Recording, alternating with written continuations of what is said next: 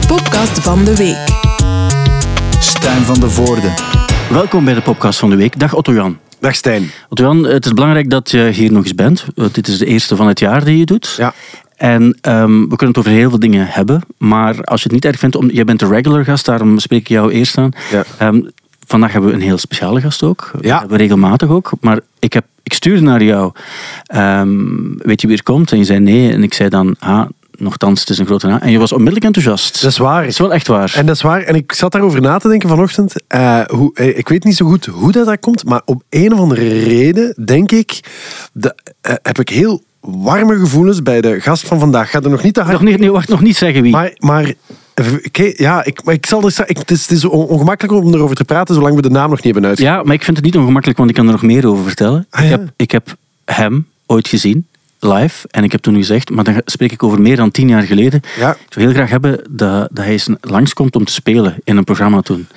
Hier op Studio. En dat is ook gebeurd. Maar- En, en, en, dan laat mij uitpraten, want het is belangrijk.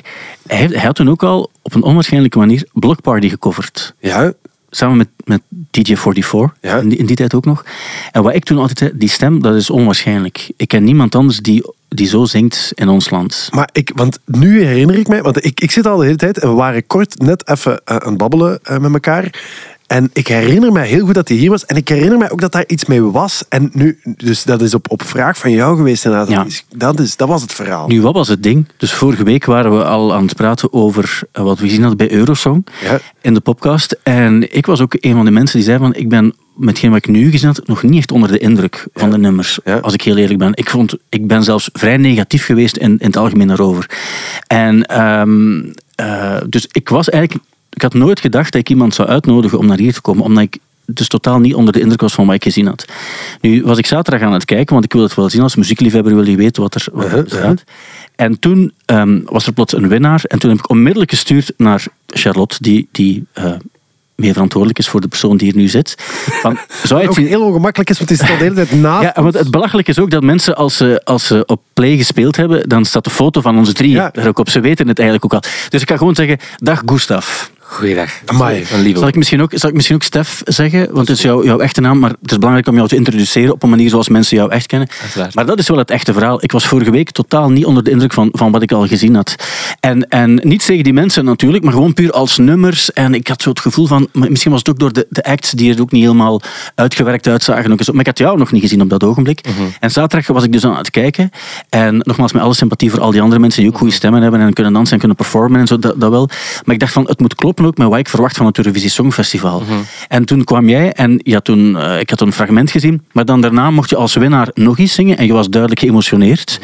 En ik weet dat het waar was, want ik wandelde deze ochtend met Peter van de Veijden van Parking Oost naar het, het grote gebouw. En mensen die weten waar Parking Oost ligt, weten dat dat 741 stappen zijn.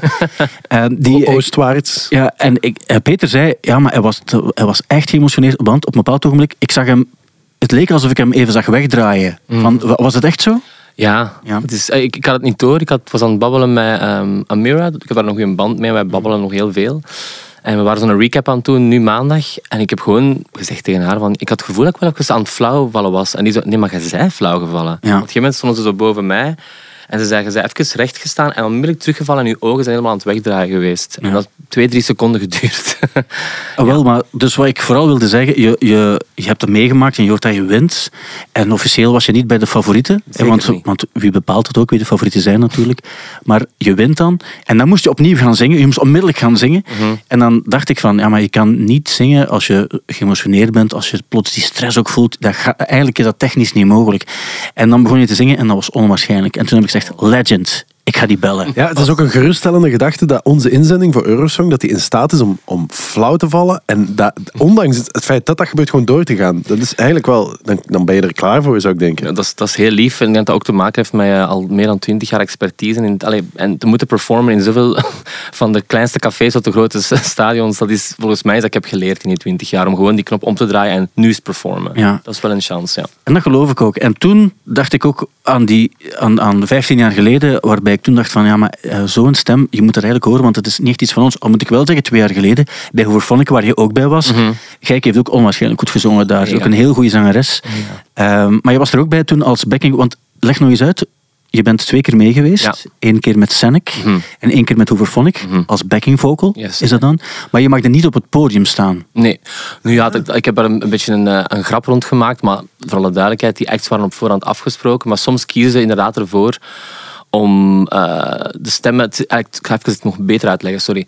In de tijd van Senek was het nog verplicht om alles live aan vocals te doen. Dat is ondertussen veranderd. Oké. Dus bij Senek was het, was het een chorus in three-part harmony en moesten ze er iemand bij zetten om dat te kunnen ondersteunen. En dat was ik, Mo, die op het podium stond met mij, en eh, Nina Babette, ook een bekende backing vocalist. Van bij Milo en Bij. Milo, voilà. En eh bij Overphonic, grappig genoeg, was het al niet meer verplicht. Maar Alex, eh, ik was al gelijk aan het vocal coachen voor het Songfestival. En dan heeft Alex wel echt eh, er een beetje op aangedrongen dat ik mee zou gaan. En om het nog meer te doen werken, heeft hij mij ook in, in passant een backing gemaakt. Ja. Dus te- tegenwoordig mag je dus een tapeje laten meelopen. ja, dat kan. Voor de stem ook. Ja, voor de stem. Natuurlijk, de lead vocal Nee, nee, nee, uiteraard ja, niet. ja, ja, ja. Maar als er backings bij zijn, dan mag dat tegenwoordig mag dat wel. Ik vind dat eigenlijk een beetje jammer. Ik heb bijvoorbeeld bewust gekozen, dat zijn twee goede vrienden van mij die op het podium stonden, die live zongen, omdat ik voelde van, er is echt iets te zeggen voor live performances en iets dat, dat kan echt nog alles liften tijdens een performance. En ik vind het wel jammer dat dat een beetje verdwijnt nu op die manier. En het is ook jammer dat die dan niet op het podium staan. Of, zo. Ja. of heeft dat ook een soort van logistieke reden? Ja, dat, dat, ik, dat, dat moet ik zeggen, daar heb ik me niet aan gestoord. Ik heb er zo'n grap van gemaakt dat het een persoonlijke vendetta was om de derde keer op het podium te staan. maar dat was meer omdat dat gewoon goed uitkwam in de uitleg. Want dat was heel duidelijk afgesproken van het begin. Eh, soms bij Senek was de bedoeling om maar echt alleen te laten shinen. Ze deed ook een, een heel simpele act. En ze denken, als ze niet wouden, dat misschien backings dat zou voor afleiden of zo. Ja. Die Maar- podia die zijn ook, sorry dat Stijn daar komt, maar die zijn Nee, ook zo gigantisch groot. Die, die- zo- Zo'n podium van- op zo'n Eurosong is eigenlijk groter dan de meeste zalen hier. überhaupt. En, en dan zie je elkaar al niet zo staan. Er is natuurlijk ook een verschil dat je elkaar echt voelt en dicht bij elkaar bent. Dat is helemaal dan maakt het ook niet zoveel uit of je elkaar kunt zien of niet. Maar goed. Ja. Hoeveel mensen mogen er op het podium staan? Ik denk, als ik me niet vergis, eh, mogen er zes mensen op het podium staan met eh, artiest erbij. Ja. En hoe, aan hoeveel zit je nu? Voorlopig steun ik maar aan aan twee mensen. Maar dat... Oké, wacht. Ah, ah. Stop, stop, stop. stop. Ah, alright, ik voel al iets komen. Ja, ja. Ja, dus je hebt net een, een, een, live performance eh, gezien van de Loftrompetten 2022, was dat nog eigenlijk, uitgezonden op Oudjaarsavond. Mhm. En dan zag je Jovalli het nummer Kies ik voor jou zingen. En op een bepaald ogenblik heeft Jovalli er echt bewust voor gekozen om zijn act, Up te ik weet niet, moet je zeggen, die je ne sais quoi eh, te geven. Die dash, bedoel je dash? Ik denk dat het dat was. Van zeker zing. Die zekere X-factor die, die ontbrak. En eh John en ik hebben toen mee geperformed. Je hebt die performance ook gezien. Mhm. Ik ga eerlijk zijn. En, en voor veel mensen gaat dit misschien wat als een shock overkomen. Het was niet live eh, wat wij deden. Nee. dat was niet Gitaar, live. die gitaar was, Gitaar nee, was niet nee, live. Ik heb ze niet gehoord, maar het was niet live. Die was, dat was niet live. Nee. Zowel de akoestische gitaar als de gitaar was niet live. maar niemand heeft het gemerkt. En eh, ja, er zijn achteraf, en het is niet aan ons om dat te zeggen, maar er zijn heel veel goede reacties gekomen. Tuurlijk, Ehm, uiteraard. Op het moment zelf al. ja, op het moment zelf ook al.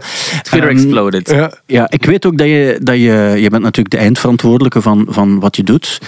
Maar ik ga eerst de vraag iets algemener stellen.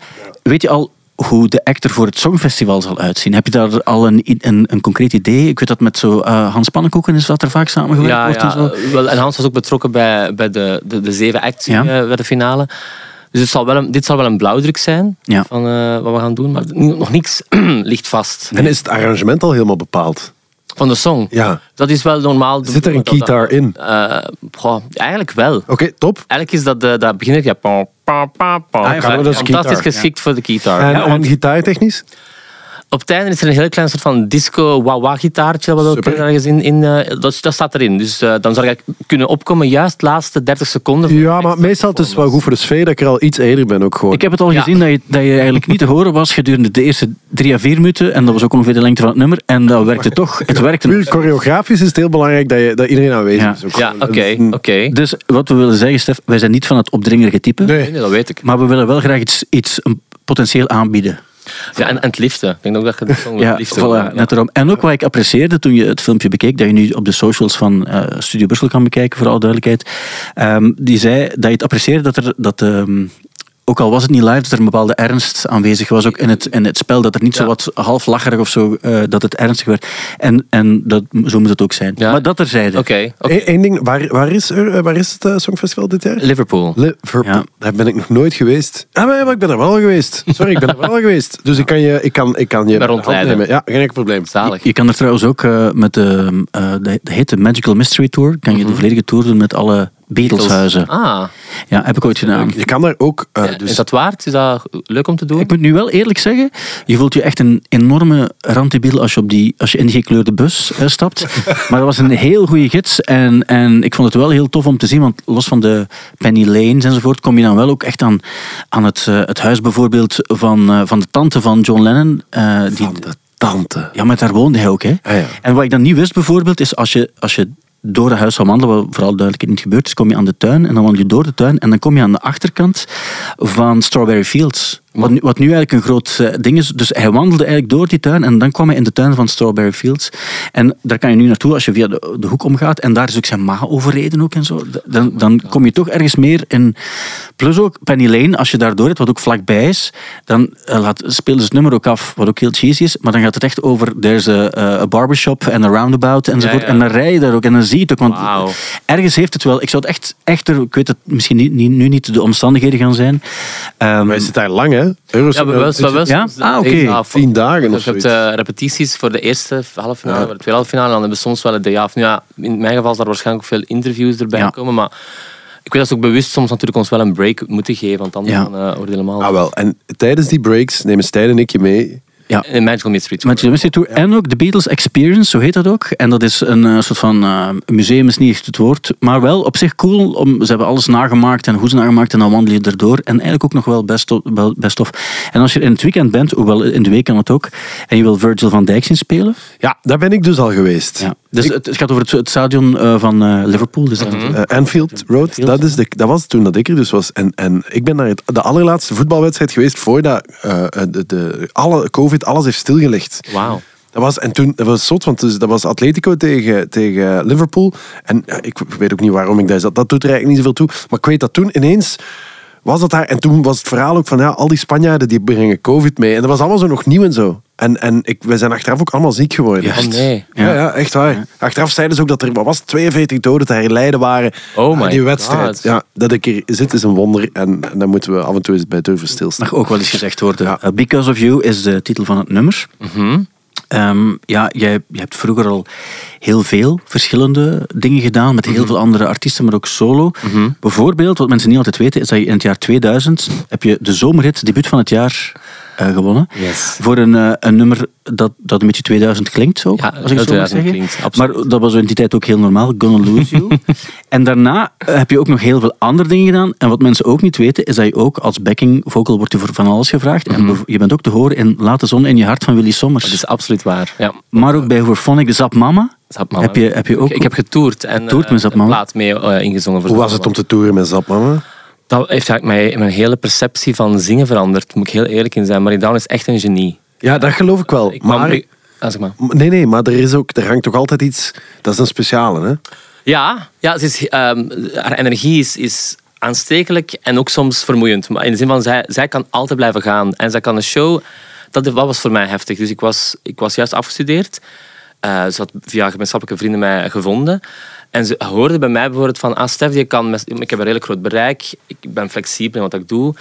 En eigenlijk zei ze, ik kan Stef altijd vragen als er een zangeres een keer niet kan. Dus ik was eigenlijk in het begin altijd de, de stand-in. Wat dat wil zeggen dat ik elke keer moest inspringen voor weer een totaal andere stem, dat ik weer al niet kende. En plus, als ze ook tijdens de soundcheck nog zei, dat komt er nog bij, ik ga nu toch die song van twee jaar terug erbij steken. Ik heb hier nog een improvisatie gevonden, een paar gsm. Kun het, kun het. Dus dat was... Maar als leerschool is dat fantastisch. Het was voor mij heel vermoeiend, omdat ik gewoon constant moest meegaan. En dat was een in- internationaal, een grote Ja, internationale... wij toeren dan over, over heel de wereld. Dat was ook nog tijdens een vlieger, als dan nog voor een, een, liet horen of zo. Of tijdens eh, de soundcheck nog dingen veranderden. Maar, maar zij, is, zij kan dat aan.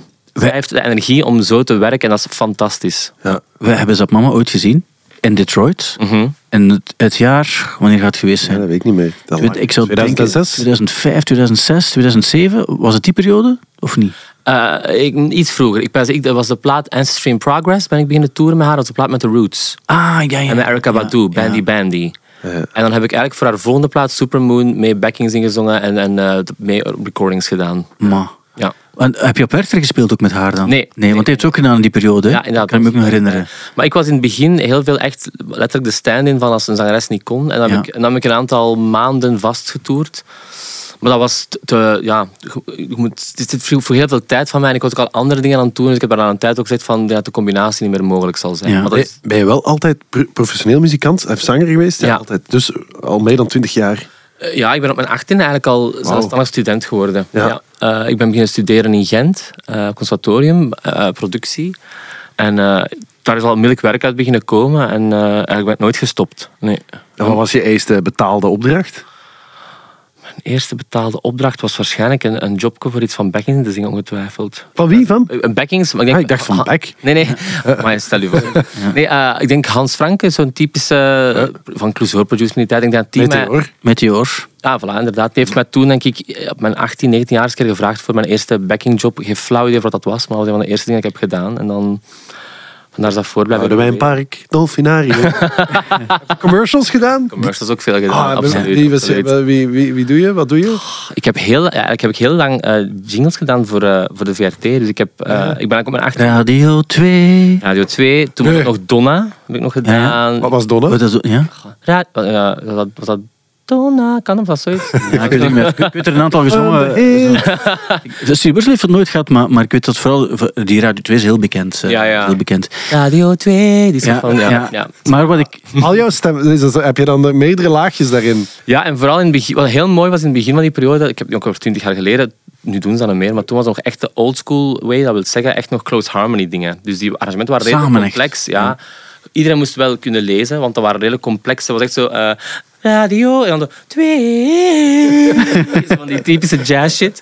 Maar daar moet je echt voor kunnen lezen en moet je Ja, ja. voor kunnen blenden. Dus ik heb daar ook, ik was dan misschien 19, 20 jaar. Dat is, dat is een ongelooflijke leerschool, want you're working on the hour. Je moet alles direct kunnen doen, zoals de rest van die sessiezangers. Dus als leerschool was dat fantastisch. Ik vond het eigenlijk heel leuk om te doen, Ja, toegeven. ik snap het ook. En eh, je hebt daarnaast ook... Hoeveel Belgen kunnen zeggen dat ze op het Glastonbury Festival gespeeld hebben, Ja. bijvoorbeeld? Je, bent, je hebt dat gedaan. Met de jingle van Radio... It took me all the way to Glastonbury. Nee, met de jingle van Kruidvat. Altijd voordelig.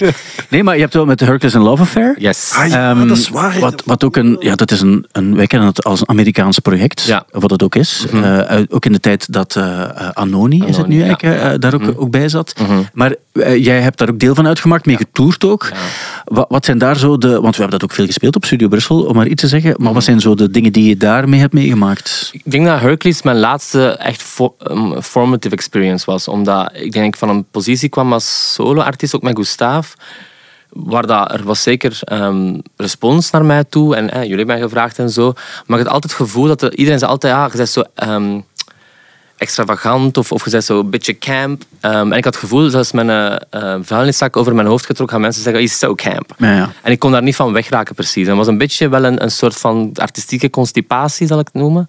En dan kwam Hercules op mijn pad. En die zeiden letterlijk van... eh, shut up en doe deze fluo-legging aan. Ja. En dat was voor mij echt heel liberating. Omdat ik kwam in een situatie terecht waar dat ook alle andere performers mij op het podium waren... Gingen all the way met outfits, met performance, genderbending, eh spelen met, met, met gender. ehm. en dat heeft mij helemaal ehm, vrijgemaakt als performer, waar ik die, die soort van restricties kon loslaten. En door daar zes jaar mee te toeren en door te moeten dat zo hoog te leggen, eh, niet alleen vocaal, maar ook eh, stilistisch. Ik moest opeens heel hard nadenken over mijn looks, over wat ik wilde zeggen met mijn looks. En dat heeft mij helemaal veranderd als performer. En daar ben ik nog altijd heel dankbaar voor. En dat is vooral Andy Butler, dat is een speelfiguur heeft mij ook altijd vertrouwd. Ik heb al die platen mijn eigen nummers mee mogen schrijven en mee zingen. Eh, en dan mijn collega Rouge Mary, een, eh, uit, uit, eh, Parijs performer, was iemand die dat lat zo hoog legde als performer dat ik een manier moest vinden om mee te kunnen gaan. En niet haar, en niet haar energie te matchen. Gewoon mezelf te kunnen blijven met een heel ferocious energy. En dat heeft mij echt veranderd als performer, heel hard. Wat zijn zo de, de dingen die je hebt meegemaakt, of plaatsen waar je gespeeld hebt, dingen, of mensen die je hebt mogen ontmoeten op, op unieke plaatsen, waarbij je dacht van wauw, mocht ik die, tour met, of die tours met Hercules en Love Affair niet meegedaan hebben, zou ik het niet meegemaakt hebben. Ja, de meest obvious one is... is eh, ik, ik, heb, ik had een nummer geschreven met Andy, helemaal in het begin. 2012 is dat geweest. En ehm, dan heeft de, de, de musical director van Karl Lagerfeld dat nummer gehoord en heeft dat onmiddellijk op zijn eh couture show van Chanel gezet dat jaar. En dan werd ik uitgenodigd voor te komen kijken.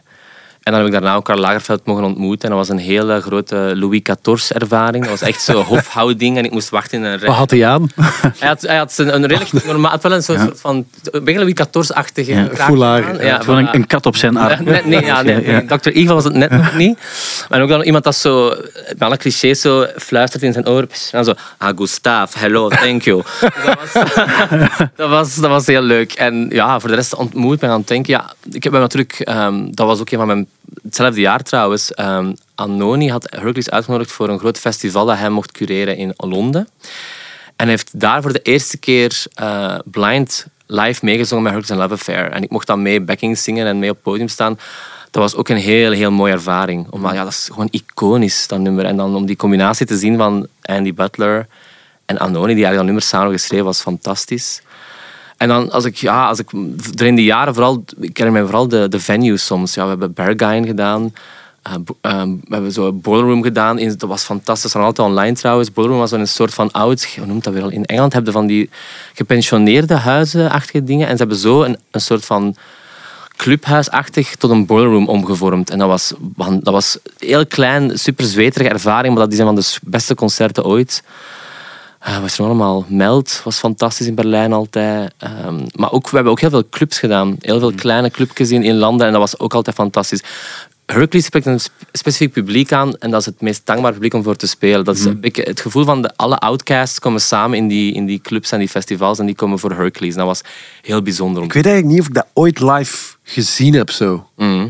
Ik heb het ook nooit live gezien, denk ik. Kan- en ver- Ja. Maar misschien, ja. wie- ja het zou- Alleen beelden wel, maar nooit, nooit op een festival waarbij ik me kan herinneren. eh, van, ter- terwijl, ja, het is wel zo een van die namen. Wel, Ja, maar wij, wij speelden ook niet bijzonder veel excuseer, in België. Ik denk, wij, wij Doer hebben wij twee keer gedaan. Oh ja. Ehm, La Nuit hebben wij ook twee keer gedaan. Maar we hebben nooit echt zo een... een, allee, een- het was precies meer ook de, die soort van festivals. En niet misschien zo de Ja. Werchter of, of Pukkelpop hebben we eigenlijk nooit gedaan in die zes jaar. Nee. Waar verhoudt, als, ik dit dan hoor en, de- en, en je ge- geeft ons enkel het topje van de ijsberg natuurlijk van wat je allemaal gezien en gedaan hebt, ehm, waar verhoudt zich dan, of hoe verhoudt zich dan dat ten opzichte van het feit dat je dan Eurosong gaat doen? Is dat, is dat, is dat het grootste wat je ooit gedaan, of wellicht wel qua, qua capaciteit Het is- en qua bereik misschien ja. wel, maar, maar, maar stelt dat voor jou veel voor?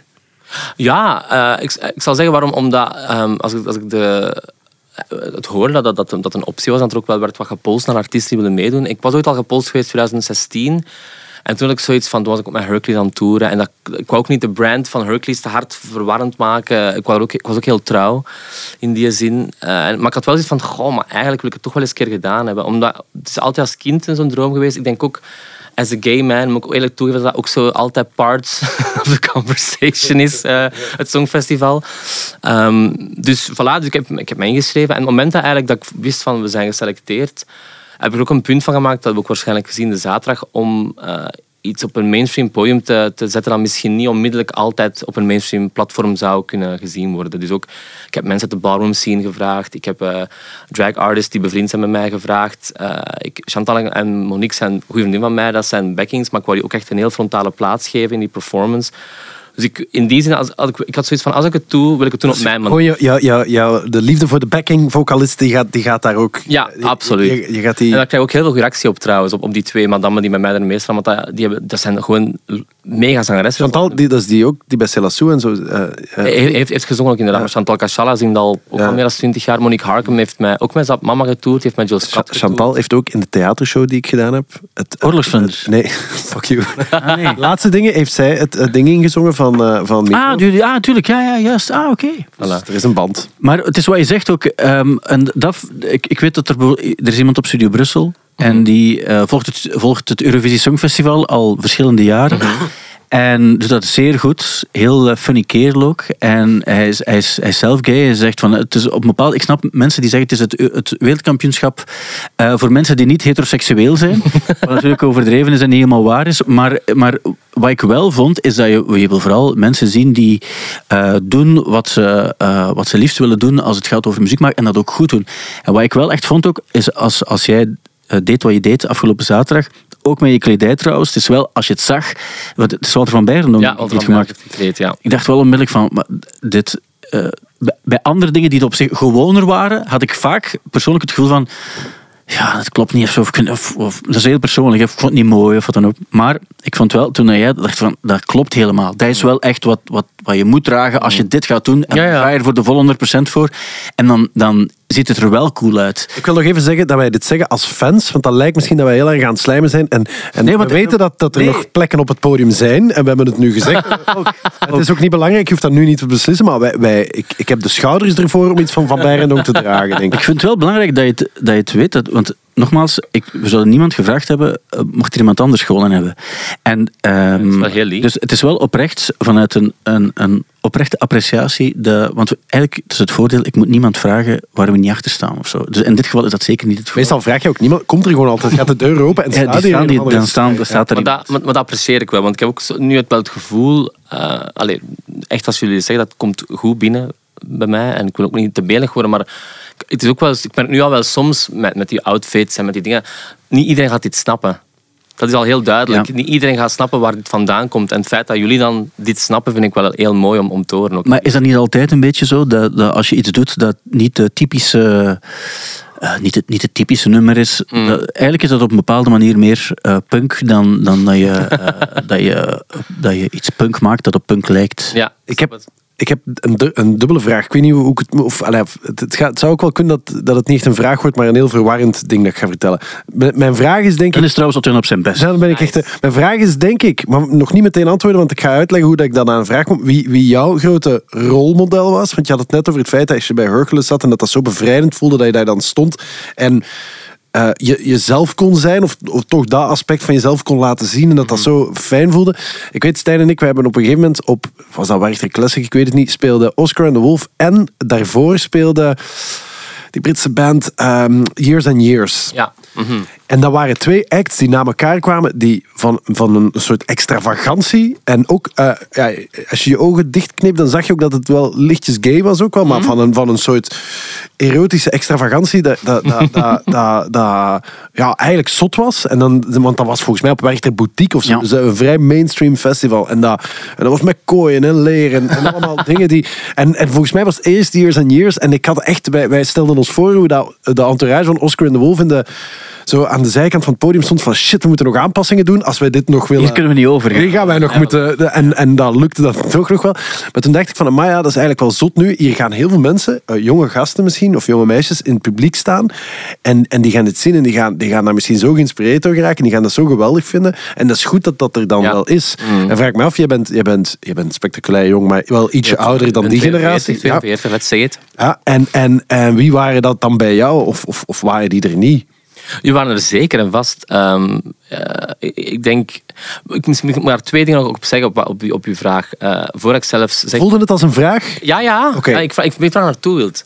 Ehm, ik denk dat we ook op een moment zijn aangekomen, dat is heel mooi, waar dat inderdaad... Mijn frustratie als artiest, wat, ik- wat ik juist beschreef, van, het, het, het feit dat ik gay ben, wordt geïnterpreteerd onmiddellijk als iets campy of als iets... eh, mm, gemarginaliseerd een beetje misschien. Maar is, wat, want, ja, sorry dat ik je onderbreek, Ja. maar in- deze tijd... Stijn wist nog niet dat jij gay was. Ja, nu, nu- dit verandert het hele verhaal eh, voor mij. Ik ben dan weg, hè. Nee, nee, maar vooral duidelijkheid, in deze tijd, het feit dat iemand, eh, het feit dat iemand gay is, dat, dat, dat daar, allee, eh, daar wordt eigenlijk niet meer door een bepaalde groep mensen, en ik denk dat dat dan de groep is die hier zich ook bijvoorbeeld hier werkt, zo of tegen gays, daar, daar is niemand, niemand is ook maar half mee bezig. Maar ik kan me wel voorstellen, als, als je een act doet, waarbij je ehm, draagt wat je wil en wat dan ook, en je bent dan toevallig ook gay, dan wordt er een soort, wil je ook niet een soort van eh, cliché zijn of wil je geen ding gaan uitvergroten. Maar het is toevallig wel iets waar je achter staat en wat je wil doen, Ja, ja. dat moet je kunnen doen. Dan daar gaat het toch ongeveer over. Ja, inderdaad. En ik wou vooral zeggen, er zijn heel veel dingen veranderd, heel duidelijk nu. Op dit, tegenover pak dan tien jaar geleden zelfs al. Dus dat vind ik heel tof. En zeker als je dan over Years and Years praat, dat is een groep die nog altijd wel over een, over een toch een breed perspectief, eh, ook critici op een goede manier aanspreekt. Eh, ik denk gewoon dat er, op er is iets veranderd in de perceptie. Ik denk dat, en queer culture is ook een heel tof ja, voor een idee voor mij, of het idee dat dat bestaat, waar dat, het idee van highbrow en lowbrow is veel minder relevant dan misschien in andere scenes. En ik pijs dat dat wel aan het doorfilteren is naar heel veel andere dingen. Waar dat- als ik opgroeide, wij allemaal, denk ik, was dat je zei, ofwel, allee, mij was dat je zei een new waver, of je zei een eh, house fanatic, of je zei een popgast, maar no way dat je een van die groepen zou moeten beginnen mixen. Dat, dat ging gewoon vroeger niet. En dat is wel iets aan het veranderen. is. Dat vind ik heel tof. Ja. En in die zin, ja, mijn voorbeelden waren... Alleen, ja, het is... eh, het zijn een aantal dingen. Moet, moet, mag ik allemaal zeggen? Of ik, absoluut? ik, hoop gewoon, ik hoop gewoon dat één ding erbij zit. Maar goed. Ik ben ook aan één ding aan het denken. Ja. Oké. Maar- Maar, maar het heeft te Nee, maken met de rest van de... Maar, sorry, maar je had te vertellen. Ja. Omdat eh, het zijn twee dingen natuurlijk. Vocaal, ik heb, ik heb iets vocaal en iets muzikaal te zeggen. Ja. Dus, dus vocaal, mijn ouders, eh, zeker mijn mama, die, is- die was de grootste Motown-fanatic. Dus ik ben opgegroeid met alles van Marvin Gaye, Supremes, Temptations. eh, dat was, eh, maar ook soms wel dingen. Donny Hathaway stond bij ons soms ook op. ehm, en dat, was, dat is heel beïnvloed geweest, vocaal voor mij. Dat is iets dat ik altijd heb... ik, hoor allee, soulful dingen iets dat in mijn stem zit sowieso. Ehm, en daar komt dan ook bij, ik ben opgegroeid natuurlijk jaren... eh, ja, ik ben jaren 80, jaren 90 opgegroeid. Dus er is ook een, een soort van mix van... Dat waren echt de, era of the superstars natuurlijk. eh, en ik kan niet ontkennen dat mensen als Michael en, en George Michael en Prince... hebben een grote invloed gehad op mij. George Michael, een van de beste zangers uit de popgeschiedenis. En ik ook, absoluut, ja. Ik ben... Gewoon even zeggen. Want Ja, voor, voor mij is dat ook. Ik ben een gigantische fan. Ehm, maar ik ben ook, dat zie ik ook in mijn muziek, muziek zelf. ehm, er was wel iets heel eclectisch, ook in de jaren 80 op radio. In de zin van, je kon eh, een nummer van Kate Bush horen en daarna een nummer van Sabrina horen. En daarna kon je een, een New Order nummer horen. Dat was allemaal op popradio allemaal gecombineerd. Dat is- dat, dat, dat eclectisch karakter, dat zit volledig in mij door die soort van radio die toen bestond. Want toen was er niet echt die soort van, bizar genoeg, niet echt die oogkleppen, denk ik, op, op pop Dat, dat is gek dat je dat zegt, maar ik zat daar ook laatst aan te denken. Als je toen naar een hitlijst kijkt, maar dan kon daar ook zo echt zo... Ja, ehm, je zou je dat nu niet meer kunnen voorstellen dat... dat, dat ja, ehm, wacht, ik pro- probeer een goed voorbeeld te vinden van iets wat dat echt heel erg geproduced was en, en, en, en groot. En tegenwoordig... Spendo Ballet of zo. Of- Ja, maar zo, zo Spandau Ballet zou, ik- zou ik nu nog... Ik, ik ga straks ga, gaat Ja. wel iets te binnen schieten. Of wel heel, heel klassieke FM-rock of zoiets dat nu zo echt eh, zou worden weggelachen en zo. Owner of a Lonely Heart. Alles was daar, wa- was daar zo wel. Yes, ja. ja.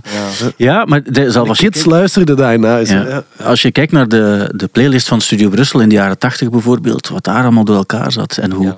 hoe, hoe, hoe, hoe klef of, of zo, hoe weird. Terwijl we nu toch allemaal het gevoel was. hebben dat, dat, dat we juist heel erg breed gaan in de popmuziek. Ja, Ja, is misschien jaren 90 niet. Ik Denk, ik denk dat grunge even alles heeft op zijn kop gezet toen, denk ik. Voor Ja. mij was dat ook zo. Ik, allee, en ik, ik heb de chance gehad, misschien in die zin, eh, mijn broer, Sam, en dat ook een invloed op, misschien niet muzikaal op mij gehad, maar wel qua breedheid in muziek. Mijn broer was de grootste Pixies van ever.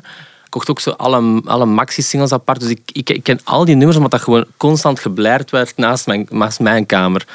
Dus ik en dan, Ook een goede zanger, hè? Een mega goede zanger. Ja. Ook, die heeft ook een, nog een soloplaat gedaan. Ja, een paar. Teenage-. Teenage- Ah, ja, ja, ja. Mega Die gele met, met, met Los Angeles op. en. En dat was een beetje elektronischere vibe. Ja, ja. Suzanne Vega heeft ook even dan zo'n plaat gemaakt. 99.9 Ja. Fahrenheit Degrees was ook dan zo'n beetje opeens Met in Liverpool op volgens Yes! Ja. Mega nummer. Wat ik ooit nog... Ah, wel, nu- we toch aan het vrij associëren zijn. Ik heb ooit nog opgetreden met een meisje en zij zong en ik speelde een gitaar en wij, deden, wij speelden dat in Liverpool. Omdat, die Dat is een onwaarschijnlijk mooi nummer. Ah, wel, Ik heb dat ooit... Liverpool. Ja. Sunday. Ja, Oh, ja, ja. mega nummer. Except for the boy in the belfry, he's crazy, he's throwing his hand and on the top of the tower. Amai, was dit ons eerste officieel Ja, ja, inderdaad. Ja, t- in, in Liverpool... Het, het, Wat ook een heel goed nummer is, sorry hoor, is dat Blood Makes Noise. Ja, Blood Oh, Makes Noise, ja. Like En die, en die that- 99.9 Fahrenheit Degrees, dat is ook, zo'n- dat is ook me- meer elektronisch bijna. Ja, inderdaad. Eh, Dat- eh, met ook een- kreeg een beetje kritiek op die plaat, maar ik vond dat mega Heel goede plaat. En ik, ik heb ehm, onlangs nog eens een nummer van haar gespeeld, hoe heet het nu weer? En ik dacht van, my, dat is eigenlijk een heel goed nummer. Maar ik heb er een tijd niet gespeeld, omdat ik het niet zo sympathiek vond. Nee? Nee, ik heb zelfs één keer, dus ik, heb, ik had haar, eh, ik mocht haar interviewen op Suikerok of zoiets. En eh, er kwam eerst zo'n eh, een kerel binnen en die zei, ehm, hij vroeg van, weet je wie er dadelijk binnenkomt? En dat was, ja, ja, ja, tuurlijk, ja, ja. En dan, maar wat is haar naam? En wij zeiden, uh, Susan Vega? Nee, nee, nee. Suzanne Vega. Ah, Oh, oké. Ja, oké. God. En interview, maar zij was op zich, zij was niet verkeerd, maar ze was heel kort en heel en zwart. Ik snap het ook wel, maar ik, ik vind ofwel doe je een interview ofwel doe je het niet. En als je geen zin hebt, dan doe je het niet, fair. Maar als je het wel doet, moet je, moet je wel gewoon. eh, Ah, ik had dat niet willen weten, denk ik. ja, wel, maar de grap was dan, twee weken daarna zitten we met Studio Brussel opnieuw op een festival. En het is opnieuw interview met Suzanne Vega. En ik dacht van, pff, ja, wat was het voordeel en het goede ding daaraan? Wie zie ik daar in de backstage ook staan? Karen van K3. En eh, zij is mega fan van Susan. En ehm, ik dacht van, ik heb niet zoveel zin om dat interview te doen, want dat was niet zo leuk vorige keer. Dus ik vroeg aan Karen, zie jij het zitten om het interview? Oh ja, ik ga zenuwachtig zijn, ik ga zenuwachtig zijn. Uiteindelijk heeft Karen van eh, Karen eh, Daman het interview gedaan met Susan Een van de grappigste interviews die ik ooit heb gezien in heel mijn leven. Achteraf is mij nog de foto's gemaild ook, want ze was wel in de wolken ook. En op zich was dat fijn voor ons ook, dat, dat er een soort van eh, Ja. interessante eh, eh, match was. En toen heb ik een tijd zo gedacht van, ja, maar ik vind, ik vind dat niet zo. Los van het feit dat ze een goed songwriter is en een goede zangeres ook. En ik heb nu onlangs heeft ze zo heel veel live platen uitgebracht. Ja. Of, of zo dingen opnieuw uitgebracht. En ik vond die ook wel goed. Ze heeft gespeeld in, in, in Antwerpen, denk ik, een paar Ah, maanden. dat zou zo, kunnen, ja. denk ik, ik weet dat ze binnenkort ook nog eens terugkomt. Ah, Oké. maar, ja. ik, ik heb vooral eh, die, die plaat is eigenlijk voor Ja. mij haar beste plaat. En Solitude Standing, vond ik ook heel goed. Dat is met Tom's Diner. Ja. Ja, die hadden wij ook. Dat is ervoor nog, denk ik. Ja, is ervoor nog inderdaad gemaakt, ja, ja. ja, op zich een heel interessant figuur. Maar dit soort mensen die waren dus ook inspirerend voor jou. Ja, ik denk dat, dat dus die 80s, dat was, Ja. was ik echt een kind. Eh 90s was ik dan tiener aan het worden. En daar is ook mijn smaak wel veel breder beginnen worden. Ehm bijvoorbeeld Kate Bush, ik was altijd al fan, maar ik ben eigenlijk pas rond mijn 11, 12 jaar alle platen beginnen kopen. Ehm, en dat, dat is, dat, vandaar ben ik dan ook een beetje bij ja, Tori Amos terechtgekomen. Ik weet dat Tori Amos ook in de jaren 90 even een plaat heeft in. Ja, die, die Cornflake Girl en zo. eh, ja. Ja, ik vind dat die, de eerste Little Earthquakes, um, Under the Pink, Boys for Pele. Dat is voor mij een Ja. drieluik dat fantastisch is. Eh, ik weet dat, dat, dat er de meningen verdeeld zijn over... Nee, Ah, wel.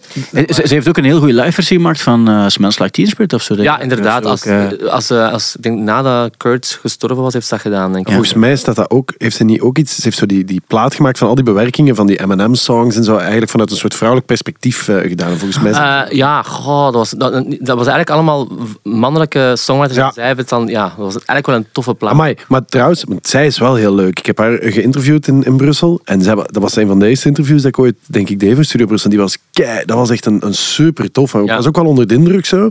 Maar ik vind die, die, die Boys for ja, ik vind eigenlijk allemaal, de, die, welke is, is die met Mr. Zebra op? Dat, dat, dat, is, meisje- dat, is, dat is Boys for denk ja, meisjes horen dat graag bij ons. Dus ik vind dat echt een, dat is ook, van- ah ja, ook een heel goede plaat. Ja. Oké. Maar ja, wat een zangeres is dat inderdaad. Mega. Ja, dat is echt wel... ja, en ook, en ook Ik heb haar nooit live gezien. Ehm, nooit. nooit, nooit live gezien, nee. Ik een paar keer. Ja. De heel, ja, ik mag nu zeggen, ja, ik mag dat zeggen, dat is mijn mening. Maar ik vind, ik vind soms live, het is altijd top, maar het hangt echt af van hoe haar moed is. Want, ze, Ja. want het voordeel bij haar is, wat dat geniaal is, ja, die kan meestal als, alleen die kan gewoon zeggen, een uur ervoor, dat nummer, dat nummer, dat nummer. En het hangt af van haar moed. Soms doet ze heel donkere dingen, soms speelt ze wat meer hits erbij. Het is een beetje wisselend, maar is altijd wel eh, allee, super straf. En ze doet, wat ik ook leuk vind, dat was- ook inspirerend voor mij. Ik ben ook beginnen spelen eigenlijk op mijn dertiende in Oh my god, dat ik deze moet zeggen. Bij Mar- de illustere Mark Dex, de papa van Ja, Barbara. Dex. Ja, ja, ja. Die had een Klaveren 4, wat was, of Klaveren 3 was zijn, een, zijn soort van pianoclub ergens in de Kempen. En mijn eerste job was zijn artiesten ehm, begeleiden op piano als 13-jarige. Maar, Dus dat was, maar dat is een goede leerschool weer al. Hè. ja, ja. Eh, Was maar dan, jij was zo'n soort wonderkind dat al heel goed kon ja, ik spelen. wel goed. Ik, ik, ben, ik, kon, ik heb mijn eigen piano spelen, maar vooral voor, ik wou songwriten en ik wou mijn eigen kunnen begeleiden. Dus dat is vandaar uiteindelijk geëvolueerd. Maar de link dat ik wil maken met Roy Amos is, ik moest altijd stukken opvullen. Dus je moest, eh, en dat was, ik kon mijn eigen materiaal uittesten en zo, maar soms moest ik ook gewoon iets beginnen doen. En dat voel ik bij Roy Amos bij die concerten. Als hij piano speelt, ik voel heel hard die kinship, zo met het idee van gewoon, eh, wat, wat, wil ik, wat wil ik eigenlijk nu doen? En als je die tools hebt als muzikant, dat is, dat is superleuk. Want je kunt gewoon zeggen, ik ga dat nummer nu spelen. En dan, Troy Amos heeft de neiging om soms Purple Rain te spelen. Tijdens, eh, van die, als ze zegt van, ik wil eens een keer iets anders doen. Ja. Storm of the Rainbow speelt ze ook heel veel op die momenten. En dat vind ik wel iets dat ik... Daar, daar Ja, maar dat kan je dus alleen als je kijkt. eh, ook zo, als je, als je met je instrument ook heel goed bent. Zo Ja. ben, Folds heeft dat op de piano ook heel erg. Die kan, die kan volgens mij kan die alles op het moment zelf beslissen. En, Mhm. Maar dan moet je wel heel erg eh, zelfzeker zijn. En je moet gewoon heel goed weten hoe dat instrument werkt. Ja. Ik ben zelf ook een soort muzikant. Ik heb nog, het is voor het eerst dat ik erover praat nu. Allee, Hij heeft op Pukkelpop gestaan. Die Ja, dat is waar, ja. En op Maanrock. wel, maar ik ben dus niet in staat om dat te doen. Ik moet van tevoren echt goed weten wat ik ga doen. Dus en ik nog eens op, eh eh, op eh, gitaarakkoorden.nl kijken van, van bij wijze van spreken. Hè. Zo, Ja? Dat is ook gewoon omdat ik te gestresseerd ben. Maar ik denk altijd van, maar dat moet heerlijk zijn dat je je vingers gewoon op een klavier legt en dat die het werk vanzelf doen. Dat is ook zo. En ik heb dat nu op de guitar eh onlangs, bij een nummer dat ik niet zo heel lang kende. En Jo zei achteraf dat het op zich goed gespeeld was ook. Maar ik heb een heel Niet muzikaal... alleen, niet alleen jou, iedereen zei het. Iedereen zei het. Eh, nee, Stef, vooral duidelijkheid. Ik heb eh, totaal geen muzikaal talent. Ik kan geen instrument bespelen. Daarom eh, bewonder ik mensen die dat wel eh, kunnen. Maar een stem, en dat is hetgeen wat bijvoorbeeld een Alex Gallet ook altijd heeft gezegd. Ja, ja, maar eh, een goede drummer, een goede bassist, dat vinden we ook wel. Maar een goede zangeres, dat is is, dat is een ander verhaal. En ehm, ik denk dat dat eigenlijk zo de, het, het, het een van de moeilijkste dingen is om te vinden. En dan los van het feit dat sommige mensen goed kunnen zingen, maar het op de juiste omstandigheden doen. Want je moet maar één keer er even naast zitten, wat heel normaal zou zijn. En dat is bij een gitarist ook zo, die kan er ook soms aan. Maar als je, dan denken mensen onmiddellijk, oeh, oeh. Dat is de reactie die je krijgt. Terwijl dat is logisch dat je af en toe is is een mini foutje Ja, ja. kan maken. Maar dat is, het, dat is hetgeen wat ik, wat ik wel onwaarschijnlijk vind als je het kan. Ja, dat, dat, snap ik. En ik, ik geef ook ik geef les op Kask en in, in de Peaksel Music in Hasselt ook. Dus ik werk met, met heel veel eh, singer-songwriters en mensen die, die willen beginnen aan een carrière als zanger ook. En het verschil met bijvoorbeeld als je eh, een instrumentles geeft, eh, piano, pak nu gitaar, als je zegt van je akkoord, je moet je vinger hier zetten, is veel minder impactvol dan, dan zeggen tegen een zanger het is niet juist gezongen, er is keelspanning. Dat is psychologisch veel heftiger. Ja. Omdat zang komt letterlijk van heel je lijf. Dus dat is ook, eh, ik wil niet eh, esoterisch of Ingeborg klinken opeens, maar het is wel iets dat heel dat lijf moet meewerken. En heel dat lijf moet ook eh, vrij zijn. En daardoor is dat denk ik veel complexer zingen op die manier. Want het komt echt uit je eigen lijf. Er is geen, eh, er is geen eh, eh, eh, juist wat ik nu zoek. Een gitaar heeft altijd iets, iets dat eh, erbij gaat zijn en je kunt het bespelen. Dit moet echt uit je eigen lijf komen, bijvoorbeeld. Ja. Je hebt nu al heel veel meegemaakt en op heel veel plaatsen gestaan. Nu ga je er als, als, eh, ja, als frontman ook staan op zo'n podium. En ik maak me er geen zorgen over, want ik heb gezien dat dat dus geen, geen enkel probleem is. Nu is bij zo'n Eurovisie Songfestival, uh, daar gaat een heel circus zijn en mensen die druk doen rond jou en zo. Op een bepaald ogenblik ga je moeten zeggen, fuck it, laat mij gerust. Want nu, nu of al is het maar gewoon in je, in je hoofd zelf, uh, ga je ervan moeten afsluiten. Om, ik neem aan dat, dat een soort van rust ook belangrijk gaat zijn voor, voor jouw stem.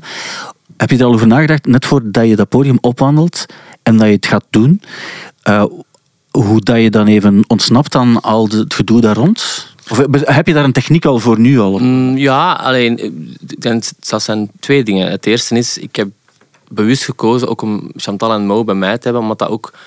We zijn, we zijn vrienden, dus dat is gewoon... We waren echt meer precies voor een gig daar dan voor een, een finale vorige week zaterdag. En dat vind ik heel goed, omdat dat ook de, de druk er afhaalt. Maar ik weet wel van mezelf, de, pak de minuten ervoor, op, naar het podium stappen en zo, dan wil ik ook dat niemand meer tegen mij praat. Dan, en dan is dat die in en ik blijf mijn stem opwarmen met oefeningen. Maar ook niet als bijvoorbeeld de gitaarspeler zo nog dringend een laatste vraag heeft. Zo van, Ik denk dat er uitzonderingen zijn. Ja, Dat moet anders, toch dat even kunnen, omdat- oké, ja, ja. even die vingersettingen goed eh, aan te geven, nee, dat snap ik volledig. Dat, dan, dan, dan wel natuurlijk. Maar als de keytar er niet bij is, dan eh, wil ik even gewoon gefocust zijn. Maar ik heb gemerkt ook de zaterdag, eh, nu ik kan niet al voorspellen dat zo zal zijn voor het Songfestival, maar als die performance eens keer begint, ik ga toch in een andere modus. Ik denk dat daar wel de métier ook een rol speelt. Ik, had, ik heb ook nog een tip. Omdat ik, heb, ik heb van Lara uh, heb ik, heb ik zo van die druppels gekregen die ik dan voor een optreden en dan eh, moest ik daar water doen. Ah, die CBD. eh. Nee, nee, nee. Ah. Zo een of ander, het is alsof je zo van die vaporub op- in druppelvorm, zo echt maar mega fel. En, en dan in een flesje en goed schudden. En dat is echt, het smaakt een beetje smerig, maar ik raakte er wel verknocht aan. En je drinkt dat en dat zet ook eigenlijk alles open. Zo. Ah. Ja, druppels, zij haalt dat in, in Duitsland. Volgens mij is het iets Japans. Oké. En, en zo van die, ja, dat eigenlijk heel je hoofd open is. Amai, dat je dat niet weet. Dat ken ik niet. Nee, maar Lara- zeker maar het doorgeven. is, ja, want dat was echt, ik vond dat fantastisch. Ik deed dat altijd. En, eh, maar het grappige was, in het begin, je moet daarmee uitkijken. Want als je dat dus een beetje zo op je vinger bijvoorbeeld hebt, en dan per ongeluk, dat heb ik dus voor gehad, eh, eh, op de Lokersche feesten, had ik, had ik dat, dat per ongeluk zo, want er zat iets in mijn oog, dus in mijn oog, waardoor dat de eerste zes nummers, ik gewoon langs één kant aan het huilen was, omdat, omdat dat zoveel, gigantisch veel pijn deed eigenlijk, dat ik echt zo zelfs hoofdpijn kreeg. Van, van dus da- daaraan te komen. Dus dat is dan, zeker op Eurosong zou dat niet cool Nee, dat, zou, dat moeten we mij oppassen. Ik wil die net onderbreken door te zeggen, ben jij nu tips aan het geven aan Stef Ik ben- over ik hoe hij zijn zang- stem ja. kan verbeteren? Zangoefeningetjes. Eh, aan, iemand, aan iemand die geiken les geeft. Eh, maar het, blijkbaar was het wel iets dat je nog niet Ik- kende. maar het is waarschijnlijk ook zo'n product dat in 200 landen, als je het meeneemt over de grenzen, doodstraf krijgt. Of zo. ja, dat denk ik. Ja, ja, ja. Legaal, oké. Ja, ja. Oké. Nee, nee, maar het is, maar het is wel... Het is, je moet gewoon zorgen dat je niet eh, het op je vinger... om dan daarna je vinger in je oogbol of, eh, of God forbid ergens anders steekt. Want dat, is, dat, is, dat moet verschrikkelijk zijn. Wat mij eraan doet denken, een kleine anekdote nog, over Mhm. iets wat we samen meegemaakt hebben. We hebben ooit gezwommen in de Dode Zee. Ja. Mhm. En ik, had toen, ik heb daar geen seconde ontspannen ingelegen, omdat ze zeiden van, je mag er niet in splashen of zo, want als je zo een druppel van de Dode Zee in je oog krijgt, dat is zo zout, dan, dan, dan pikt je oogbol eruit. Allee, ik ben nu aan het overdrijven, Ja. maar het, blijk- het pikt blijkbaar enorm. En ik weet dat ik zo heel de tijd erin lag, want ik dacht, ik wist niet dat dat zo was. Ik dacht, we gaan hier eens onder water zwemmen. Maar ze zeiden, nee, nee, absoluut niet onder water zwemmen, want want dat mag niet in je oog komen, omdat dat zo zout is, dat, dat er blijkbaar heel veel, heel veel piekt. Kleine anekdote. Nee, maar dat is ook funny, omdat Stijn dat ook in Eindert welk zwembad doet. Dat is gewoon, je kent zoals bommas zwemmen, zo, Ja, ja, dat ja, een ja. haar niet nat mag worden. Ja. Stijn heeft dat ook gewoon, omdat Dat is ook wel zo. chloor is vies, kinderen zijn vies, dat, dat drijft van alles in wat hij niet cool vindt. Dus Iedereen niet alleen in de Dode Zee. Dat nee, nee, het is niet enkel daar. Het enige, het enige voordeel was daar dat alles is daar zo dood dat als, als mensen erin plassen, dan dat je er geen last van hebt. Oh. Ehm, maar dat is een, eh, een ander verhaal. Ehm, wat ik ook nog, ja, dus deze podcast, daarin bespreken we de muzikale actualiteit. Mhm. Nu, jij bent 100% mu- muzikale, muzikale actualiteit, dus op dat gebied geen enkel probleem. Maar ik wil toch nog een aantal dingen eruit pikken, die van deze week van belang zijn, om ook even met jou eh, te delen. Als mensen luisteren op vrijdag vandaag, dus voor 10 uur weten ze dat, dat je vanaf 10 uur tickets kan kopen voor Madonna. Yes. En Madonna al zeer lang in de business. Eh, ze wordt 65, 40 jaar is al bezig. De Celebration Tour zal het zijn, die op 21 oktober naar het Sportpaleis in Antwerpen gaat. En dan eh, vraag ik mij af, zou je er naartoe willen gaan? Ik wel, voor alle Ja, duidelijkheid. ik, ik, ik dus ook. Eh, en ik ga zeggen waarom, omdat ja, ik was als kind maar obsessed met Madonna. Eh, Ik had het nooit verwacht van jou. nee, maar ik, ik, wil ook, ik heb haar ooit gezien. En in Nederland was het trouwens. En niet dat het er iets doet om mee dat dan zei ik in Nederland. Maar het was in Nederland voor Studio Brussel mocht ik gaan. En die show, dat was ten, ten tijde van die Jacques Leconte, eh Stuart Price die erbij zat. En eh, Jump en dat soort nummers. Maar dat was, een, dat was, dat was onwaarschijnlijk. Ja, en ik denk voor mij, ik had dat misschien iets... iets allee, eh, want ik wil zeker niet... Haar, haar- ik denk dat Madonna... Ik ga een paar dingen moeten zeggen. Madonna heeft een onwaarschijnlijk talent voor songwriting. En dat wordt zwaar onderschat. Want elke song dat ze heeft gedaan, heeft ze meegeschreven. Ik weet bijvoorbeeld uit interviews... Uh, music en music... Dat was met, uh, noemt weer al de Franse eh, producer. Mireille? Ja. Zij dat, dat zij is aankomen met music en de melodie, strofe, alles was klaar. Dat was allemaal al, al dat ze zelf had gedaan thuis. Haar eerste plaat, eh, waar dat. Lucky Star op staat. Lucky Star heeft ze alleen geschreven. Ze had zelf sinds gekocht en in haar appartementje in New York gezet en beginnen een demo opnemen. Ja, mensen dat soms onderschatten. Ik heb dat ook lang onderschat. Ik heb dat ooit eens in een podcast gezegd trouwens, waarbij ik zei van oké, ja, ja, die, eh, maar dat is niet erg dat die, die, die de nummers zelf schrijft. Eh, Madonna heeft ook niet alles zelf geschreven. Nee, nee. Of zoiets. En toen deden de mensen zeggen, oh, maar wacht. En ze hadden ook wel gelijk, want ik, ik, ik onderschatte het ook wel. Eh, ik wist dat ze een paar dingen meegeschreven had, maar ik wist niet dat ze zo belangrijk Ik was weet- voor een aantal hits. Ja. Ik weet waarom jij aan dit, want jij bent eigenlijk aan het opbouwen naar jouw puntje van kritiek, zijnde dat is niet zo'n goede zangeres. Maar dat is ook weer een moeilijke voor mij. Omdat ik, ik denk voor haar Evita-periode, daar heeft ze dan scholing gekregen. En omdat ze die, die rol moest spelen van, van de Andrew Lloyd Webber. Nee, is Andrew Lloyd Webber, jawel, hè? Ja. Evita, ja. De musical, ja. Ehm, maar daarvoor had hij totaal geen getrainde stem, maar hij had een mega coole stem, vond ik wel. Het was zo een bizarre, zo eh, donkere kleuring in die stem die heel leuk was. Maar inderdaad, live is ze niet altijd top. Maar ik vind wel op plaat dat haar stem perfect is voor wat ze doet. Maar je hebt wel gelijk, het is niet altijd... Ja, maar ik zeg dat ook maar gewoon omdat ik dat al heel vaak gehoord heb. Dat Maar mensen zeggen ook- van het is niet zo'n goede zangeres. En ik weet de laatste keer dat ze in België gespeeld heeft, was, Ja. was wel geen, geen goede show. Op een werchter toen. Ja, ik was er zelf niet bij, maar ik hoor mensen dat daarbij waren, waaronder mijn vriendin, die zei echt van, amai, maar qua, qua, die stem die, die knalt daar echt gewoon helemaal doorheen. Zo. Dat is, Ja, maar om eerlijk te zijn, toen ik haar zag, eh, die stem en die, die bandteksten waren zo verpiezen de hele tijd. En dat was niet nodig voor mij. Maar, en haar stem die is me niet opgevallen, zowel niet in positieve als in negatieve zin. Maar die show was zo goed. En ik zag daar op een bepaald moment, dat waren dansers dan, maar die sprongen van, van iets wat drie, vier meter hoog was naar beneden. Echt, als ik daar afspring, dan breek ik al mijn benen eh, onmiddellijk. ik heb er ja. maar twee, maar die zaten... voor, mij gaat dat geen, allee, voor mij is dat geen bezwaar. Als, als dat voor de act in Liverpool moet, ik doe dat wel. Ja. Gewoon dat je dat weet. Met, met een guitar. als- Dedication, ja, wat ik zou zeggen. Een heel zware Maar guitar. als, als ik één mag zeggen over Madonna, Mhm. wat ik ook belangrijk vind, zeker nu waar ze staat, is van, ik denk wel, voor mij als, als gay man, eh, door, het, door in bed met Madonna te doen en met haar, met haar dansers die allemaal gay waren, was soms, dat was mijn eerste ervaring met hoe die exchange was in een groep tussen gay mannen bijvoorbeeld. Dat was iets heel ongekend voor mij. En ze heeft dat op een moment in de mainstream uitgebracht dat dat totaal niet van de orde was. En ik ben nog overtuigd, ik moet even afmaken, ik denk, eh, postfeminisme is Madonna. Die heeft zoveel dingen gedaan, maar altijd met het idee van ik doe het. Ik beslis wat ik doe. Ik wil, ik wil die seksboek maken. Er heeft geen niemand tegen mij verteld dat ik moet sexy zijn om te verkopen. En ik denk dat we dat soms misschien... Want ik weet dat er inderdaad nu wel kritiek is door de, de TikTok-films en, en al die... Ja, om eerlijk te zijn, daar ben ik ook niet helemaal mee. Ik, vond, ik vind het wel, maar dat is, ja, als ik het, als ik het zie, of als ik haar zie, denk ik van, ah, dat is wel zonde dat je niet zo, dat je, maar dat vind ik eerder eh, iets, dat zij... ehm, ik heb medelijden met haar als ik het gevoel heb dat iemand niet zoveel schrik heeft om, om, om wat ouder te worden. Ik snap wel dat je Ja. het best doet, maar dat het zo, dat het, als het zo krampachtig wordt, dan... Voor iemand als Madonna, die, die niet inderdaad nodig zo heeft vaak om- de juiste beslissingen heeft genomen en eigenlijk altijd haar eigen pad heeft gekozen, is dat nu wel inderdaad raar dat hij nu eigenlijk op dat Hollywood-pad lijkt te zitten, waarin dat hij gewoon het eeuwige leven probeert na te streven. En dat vind ik ook wel een beetje, beetje raar. En dat, dat, dat, maar enfin, Haar, punt is dat van, het is ageism en ik doe wat ik wil. En ergens kun je geen ongelijk ja, misschien, misschien gaan we achteraf pas snappen. Maar het is, het, is af, het is misschien af... Ik zeg dat dit nu, hè, dat ik, waar ik maar zo even naar omhoog hype is, maar ik zie van, dit is aan het afleiden van wat hij toch allemaal heeft bereikt in die carrière. Het is, het is de queen of pop ook eh, en zal ze ook altijd blijven. Ze komt ook vanuit uit een decennium, zoals jij net zei, de jaren tachtig, waarin, waarin popmuziek op, op, op dat gebied ook wel ontstaan is. Op de manier zoals we het nu misschien ook nog, eh, nog wel kennen. Dat had je niet echt... In die, je had veel popmuziek in de jaren 50, 60, 70 ook, maar, Maar niet, niet op die manier. Met het idee van videoclips en marketing Ja. daarachter steken. En, Hey, en ze is er ook nog, hè? Daar, daarom alleen moet je er naar gaan het is de kijken. laatste van die huge Het is de laatste. Want die waren toch allemaal even... ze- Is zij even oud als Prince en Michael Jackson ook? Ja? Prince, Michael Jackson. Dat is allemaal hetzelfde jaar, hè? Ja. Whitney is ook weg. Ja, het is, ja. Dus hij is er nog en, eh, en het is nog maar de, de vierde keer dat zij in ons land speelt. Ah. Wat ook gigantisch is als iemand 40 jaar bezig is.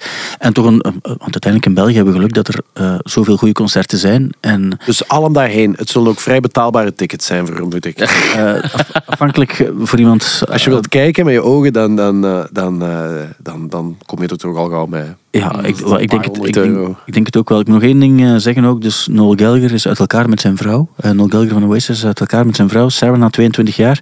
Oei. En plots gaat die deur naar Oasis open. Maar dude, dit wordt het jaar van de comeback van Wel, Oasis. het is, het is, ik, ja, Werkelijk. Ja, ja, dit, volgend jaar, dus niet dit, dus dit jaar gaan ze, de, gaan ze het eh, kenbaar maken dat ze, bij, dat ze samen gaan toeren. Die gaan miljoenen gaan scheppen. En in 2024 eh, moeten wij, gaan wij Oasis live zien in België. Dus het ding is, ik heb daar heel veel eh, meningen en gedachtegangen al over gehad. Dus wat, dus ik was altijd tegen een, tegen een reunie. Ik ben een heel grote fan uit de, uit de jaren 90 ook.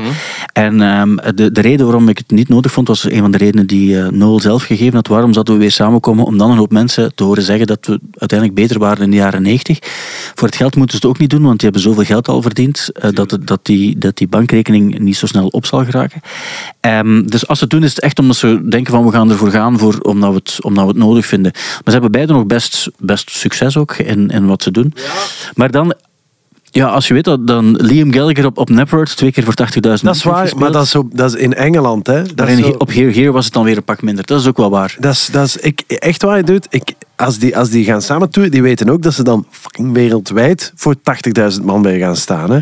En iedereen gaat alles meebrullen en zo. Dus dit, dit wordt, het, het- eh, ik, ik garandeer u, ik wil er mijn hand voor in het vuur steken. En Ik ben, ik ben gefascineerd door het idee van waarom was de scheiding doorslaggevend voor de reunie? Dus de, wat, wat eh, Noel Gallagher ooit daar tegen mij heeft gezegd in een, zee, in een zetel toen het erover ging. Hij heeft toen gezegd, en daar was er heel ernstig over, ehm, de reden waarom het niet, niet zal gebeuren was, op een bepaald ogenblik heeft eh, Liam, waarschijnlijk op een heel dronken moment, zijn, zijn vrouw eh, op Twitter ehm, aan het uitschelden geweest. Daar kwam het op neer. En zijn kinderen erbij betrokken ook. En, en heel persoonlijk gespeeld. En, en heeft gezegd van, daar is een grens waar hij over kan, kan mij over heel veel zetten, maar daar, daar ga ik mij niet over zetten. Hij heeft ook altijd gezegd van, no way. Nu heeft hij net een nieuwe single uit, een nieuwe plaat aangekondigd ook eh, voor juni. En, en nu plots werd die vraag opnieuw gesteld. Hè, want eh, Liam zei altijd, het is die, die fakes die hem tegenhoudt. Het was een heel, heel ding. En nu heeft hij voor het eerst in jaren gezegd, en ik heb het hem nog nooit horen zeggen, van, ach, zeg nooit nooit. En dat, vroeger was absoluut geen optie. Dat was absoluut geen optie. En nu heeft hij gezegd van we, moeten, we mogen niet alles uitsluiten, maar de omstandigheden zullen goed moeten zijn. Wat op zich bij de fans al een, al een crazy ding. En leeft Bonehead nog, of Boner, of hoe heet die? De... Bonet is ziek geweest. Hè. Die speelde ook bij. Is het waar ook ja, ja, want het ding was dus op een bepaald ogenblik. ehm, eh, was er eh, juni Napworth. Twee keer eh, Liam die daar speelde. En toen Bonet moest daarbij zijn, want die speelde Oasis-nummers mee. Maar toen niet, omdat hij, volgens mij, heeft hij, ik denk, teelbalkanker. En kon hij er daarom niet bij zijn. En eh, ik, ik denk dat hij nu aan de beterhand is. Wie De zat- Bonet zat, wie zat- Bonet zat niet meer bij Oasis. hè. Ah, dat wist ah, ja, sorry, dat was de enige die dat nog... Want bij Oasis, dat is zo'n band waar je eigenlijk alleen weet dat Tuurlijk, het die twee zijn. En voor de ja. rest... En ik weet dat er iemand bij zat die Bonehead heet. En die Ja. er uitzag alsof hij Bonehead heette ook. Ja, klopt. En was er dan, gewoon voor mij interessant, En de hele Blur versus Oasis, hoe zat dat bij jullie dan? Graham Coxon heeft deze week eh, gestuurd van... eh, want hij, dus eh, Noel, nee, Liam stelde dan de vraag... Ach, ik heb hier mijn broer die hier snikkend aan de telefoon hangt. Wat uiteraard niet waar zal zijn. met de vraag, kunnen we eens praten? En eh, moet ik het doen, ja of nee? En dan had Graham Coxon geantwoord, doe het. Nu, het is wel zo dat eh, dus de hele eh, Blur Oasis fete die bestaat al, al een tijdje niet meer. Dus enkel Liam die nog die een probleem heeft met alles wat met, eh, met hen te maken heeft. Maar Noel heeft meegespeeld op, op de plaat van Gorillaz met Damon Albarn. Die komen goed over hem samen, wat charity dingen ook gedaan. Dus die, die, dat is eigenlijk al... al eh, Maar de vraag was hoe wij, hoe wij daarin staan. Ja, ik- Ah, wij, ah, oké. in de zin van, er gaat toch in een tijd de Ja. Country House Ja. Tegenover Champagne Supernova? Nee, je kunt wel eens tegenover, Roll With It. Ah, roll. Ah, you gotta roll with Ja, it. ja, ja. oké. Maar de- het antwoord op die vraag, ik- de Stijn is, omdat eh, eh, Stijn zit bij Oasis vooral, maar dat is Ja. ook omdat Stijn is mee de cocaïneman ook wel. Hoofdzakelijk cocaïne, niet Dat enkel is echt cocaïne. zo, dat ze drug of preference is, is coke en, en dan moet je bij, bij, bij Oasis zijn. Ja, en plus ook working class tegenover middelklas. Ja, ik, verschil. wel, ik kom uit de middelklas. Het echte antwoord, het echte antwoord op de vraag is, net zoals bij The Beatles of The Stones, Blur of Oasis, is volgens mij het enige echt, echte antwoord als muziekliefhebber is eh, Oasis en Blur Ja. en The Beatles en Rolling Stones. Dat is een, soort van emotioneel antwoord is ook. Dat is ook wel wat. Eh, maar eh, wat mij de vraag deed stellen, eh, zowel aan jou, Otjan, wil ik vragen. Je hebt ooit een, een reunie van jouw favoriete band meegemaakt. Je hebt daar rare dingen voor gedaan en zelfs ook in- op de Black Market dingen gekocht. Inderdaad, ja, ja. Van de band Ween. ja, Ehm, ben je bent ooit naar naar New York. New York gevlogen? Ja, ja, ja. Dat is waar. En was het, was het, dat was de vraag, was het de moeite om die reunie mee te maken? Objectief waarschijnlijk niet. Maar ik vond dat wel heel... Ik was heel blij dat hij ook was. goed, ja. Dus ik heb daarachter... Maar ik heb nog zo... Ja, ik bedoel, ik heb zo de, de, de eerste reunie van Pavement. Dat was ook... Dat is altijd... Dat is wel raar. De reunie van... De, nee, de Pixies. Die hebben... Ik weet niet of, Ja. je, of je ze gezien hebt. Mijn broer, nee, mijn, mijn broer wel. Mijn broer is alles gaan. Ah, wel, want ik heb ze nooit, nooit gezien toen ze nog in hun allereerste... Dat, dat was net, daar was ik net te jong voor. Maar wel, ja, dan zijn die, die reunieconcerten, die waren ongelooflijk. Dus dat kan wel, dat kan eigenlijk wel werken. Dus je moet daar sowieso heen gaan. Ja. Ja. In het slechtste geval Ik zou ook sowieso... prik je er een beetje door, zo, maar... maar eh, Is er iets waarbij jij denkt van, van liefst wel als ze nog leven, want anders gaan we het misschien iets te, iets te vreemd voorstellen, maar is er een bepaalde band die niet meer bestaat, maar wel nog eh, zou kunnen bestaan, mochten ze beslissen om het zo te doen, waarbij je denkt van, daar zou ik nog benieuwd naar zijn. Army of Lovers. Ah, nee, die zijn naar de Antwerp Pride geweest eh, drie jaar terug. Dus dat Echt? we checken af de checklist. Ja, maar niet meer met dezelfde zangeres volgens mij, want die, Nee, ja. die, die heeft een boek, een boek uitgebracht. Cam- Camilla was Ja, het. Camilla, ja, ja, en ik heb het thuis liggen trouwens, maar het is Echt? in het Zweeds geschreven, dus ik kan niet, ik heb het gekocht omdat ik het zo cool vond. Net zoals die documentaire van Leila Kebe, ik moet- moet ook zo Zweeds. Die is super Die is onwaarschijnlijk. Ook wat verhaal is dat ook. Ja, dat is echt zo'n crackprobleem geweest. En zo. Lelijk hè, van Open Sesame? Ja, ja, ja. Die heeft, eh, uit, uiteraard, sorry, sorry. Maar is dat Britse? Ik weet het eigenlijk niet. Zweeds. Zweeds, Ook ja, Zweeds, ja. Is ook Ja, net zoals Army of Lovers. Ja, en, is- ehm, ja. En die, is helemaal, ze, hebben, ze zijn die echt kwijtgeraakt op een gegeven moment. Dus Ja. na- die had, ze had een hele groot succes met Open Sesame. Daarna heeft ze nog iets gedaan. Dat was ook nog een succes. Maar daarna is die is volledig off the radar gegaan. Met, met, eh, zoals ze zeiden, dat hij op de straat in, Ja. in Stockholm gewoon ergens als dakloze woonde. En zo. Echt heel heftig. ja. Ja, ja, en, maar dat is nog iets anders. Want bij het, het hele Camilla-verhaal is ook dat zij op een bepaald ogenblik met zo een of andere royal, eh, met, met een of andere koning Gustav of zo. Waar, ja, ja, echt waar. Dat was het hele verhaal. Ik, eh, waar, waar ze, waar ze, ja, nee, het is, ik denk dat het echt is, hè, want dat is zo koning Gustav. Hè, en, eh, het is, het- ik heb niet eens, niet, niet eens zelf de link gelegd. Maar het is echt zo'n verhaal. Ik, ik ga het nu niet opzoeken, maar het is zo'n verhaal. Er is een bepaalde link waardoor ze, waardoor ze ook interessant genoeg was voor een boek en, eh, Ja. enzovoort. Maar die, die, die, die waren ook echt huge. Ja, ja. Ik, En die, de videoclip, ik was toevallig nog niet zo lang geleden met mijn, mijn goede vriend Bart van Peer, waren wij naar de videoclip van Crucified aan het ja, kijken. jongens, toch. Wat een, dat is zo'n meesterwerk. Dat is Ja, dat echt... is- Ah, it's- it's- of course, it's camp as F, maar het is zo Maar- gaaf omdat het gewoon all the way gaat. De single daarna Obsession. vond ik onwaarschijnlijk Mega goed. nummer, mega I could wake night and day. Name and- Ik vond het een heel goed nummer. Ja. Ja. for your love to stay. Volgens mij is het al de tweede keer in de, in de geschiedenis van de podcast dat wij het over Army of Lovers Hey. Ja, maar ook omdat het, ik weet ook, Army of Lovers vroeger was een soort van running gag van het Leugenpaleis. Ah. En ik denk, denk dat, want eh, niet dat ik het daardoor kende, want dat was zo groot op dat ogenblik. Wanneer zitten we dan? Zo 93, 94, 92, 93? 92, denk ik. Is het waar? Is dat jaren Dat zou 90 best kunnen. Ja, ja, ja. En ehm, ik vond dat eigenlijk eh, super fascinerend, want je had dan eh, die, dat was ook Louis XIV-stijl, Ja, een klein absoluut, beetje zo. Hè? absoluut. Maar dat zijn wel van die dingen waarbij je, waarbij je denkt van dat klopt er nog helemaal. Die, de, de- die- je geloofde die, ehm, die figuren die dat deden omdat ze erachter stonden. Ja, ja. En dat is cool om te zien. Het, is dat, dat was, en het, was, ehm, het was natuurlijk. Dat was voor hun geen. Het was natuurlijk aangedikt, maar dat is wel wie dat ze waren, heel duidelijk. Ook. Ik, vond, ik vind zoiets veel cooler om te zien dan bijvoorbeeld als je zo'n Motley Crue of zo ziet. Dat, dat, dat, vind ik, dat vind ik lachwekkend, terwijl dat vind ik niet lachwekkend. Nee, dat, ja, ja, mensen gaan altijd wel nog, denk ik, voelen wat dat echt is in die zin. Maar jij bent wel een grote Motley Crue fan, dus Nee, nee, nee, nee, nee. Ik, probeer, ik probeer na te denken. Ik probeer je woorden te laten... Ik ken die band daar wellicht te weinig voor, maar ik, je, je weet dat ik ook wel ergens een soort van, van liefde heb voor, voor alles wat hair metal is. En, en, en die periode zo, dat ik wel wat denk van... Maar ja, het is ook een Hij tijd... voelde dat ook heel erg natuurlijk aan, denk ik, om die spandex aan te trekken. Ja, of die, die, die leren broeken zonder gat in zo. En Ik dat- weet het, maar ik had dan The Dirt gelezen ook. Ja, maar ik... Eh, en dat vond ik dan zo storend. Ja, dat is een irritant. Waarbij ik ze denk ook dat dat heel onprettige mensen zijn. Ja, ik, de, en dat was, ik heb ooit Tommy Lee mogen spreken op de feesten en hij was mega sympathiek, echt Ah. extreem sympathiek. Maar in heel dat boek dat begint dan ook van, we hadden zo weinig geld, hebben we een bepaalde avond, we hadden zoveel whisky aan het drinken, we waren zo zat, maar we hadden geen geld voor toiletpapier en dan kuisten we ons gat af met flyers van, van de Rainbow en dan weet je van, ja, maar je hebt kunnen veel whisky aan het drinken geweest. Zo, dus de, de- Ja, maar die waren wel for real, zo, want die, die, zal, die zullen die, die whisky ook wel gepikt hebben. Of zo. Dat- Ja. Als je die, dat, ik geloof ook echt wel dat dat...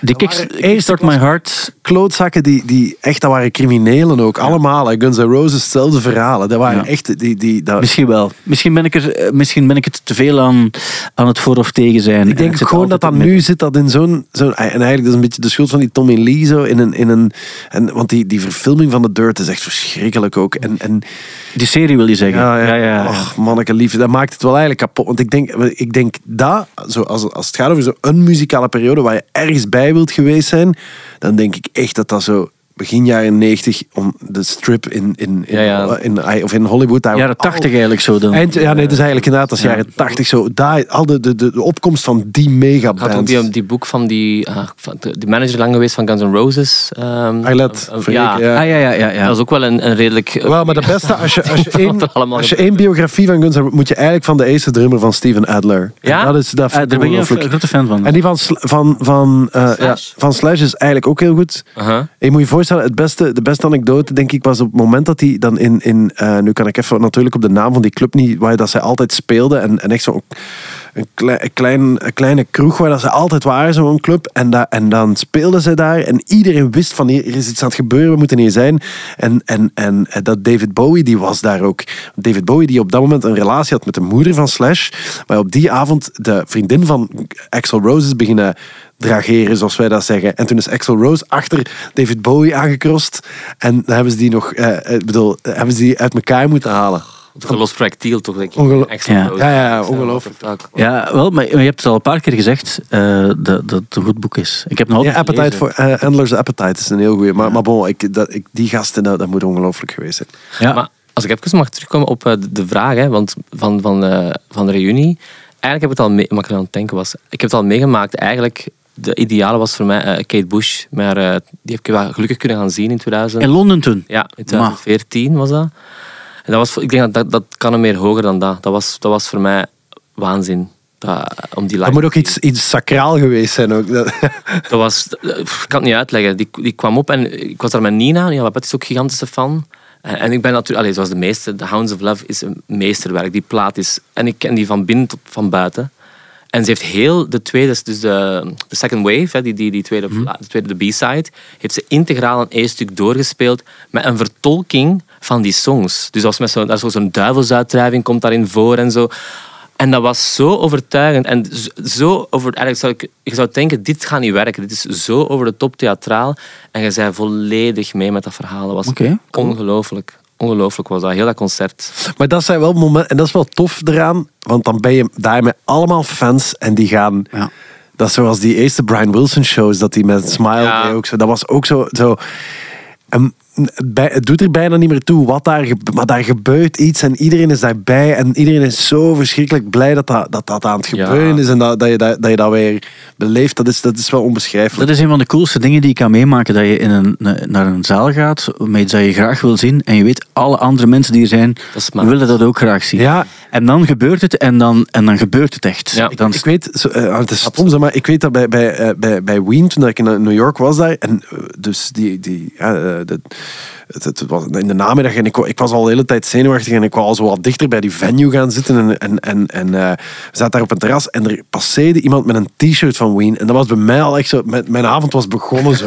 en ook daar binnenkomen, iedereen ja, was zo lief tegen elkaar van we waren daar voor hetzelfde. En dat heb je niet op een, op een andere concert of zoiets, want, want iedereen heeft andere, een andere motivatie om daar te zijn. Sommige mensen zijn mee met iemand of sommige mensen die, die, die, die, die komen eens checken of dit iets voor hen een is. hype op dat moment Ja. Mensen gaan kijken. Ja, voilà. En Ja. daar is dat zo van, je zit daar allemaal omdat je, omdat je, omdat je hemel en aarde hebt bewogen om daar te zijn. Zo. En dat is fantastisch. Ja, Ja. absoluut. Ja, ehm, we zitten er al een beetje We over. hebben te weinig actualiteit behandeld. Nee, maar ergens vond ik het ook. Ik vond het, ik vond het super interessant dat je er was, echt waar. En, en, en ik vond het ook heel fijn om, om je op die manier te leren kennen. Want Het enige wat wij nog moeten doen zijn nummers uitwisselen. En dan gewoon en voor Liverpool en, en hotels beginnen boeken ook wel. ja, en ik zou zeggen, eh, eh, data waarop we kunnen repeteren, maar ik ga bewezen dat dat niet nodig is. Dat is echt, Ik, eh, want bij Giovanni, dat is echt, we hebben dat niet, ge, dat is niet gerepeteerd. Hè? Ik zou het niet denken, althans. Ik zou het Nee. niet geloven, hè. Nee, maar wat ik wel oprecht wil zeggen, is dat eh, als je meedoet aan het Songfestival, dat is eh, ergens zeer interessant en boeiend. Ergens ook zeer vervelend, omdat iedereen daar een mening en een oordeel over heeft. En dan moet je, eh, is het makkelijk om te zeggen, ach, eh, maakt niet uit, fuck it. Maar ergens is het gewoon vervelend dat al die meningen dan ook...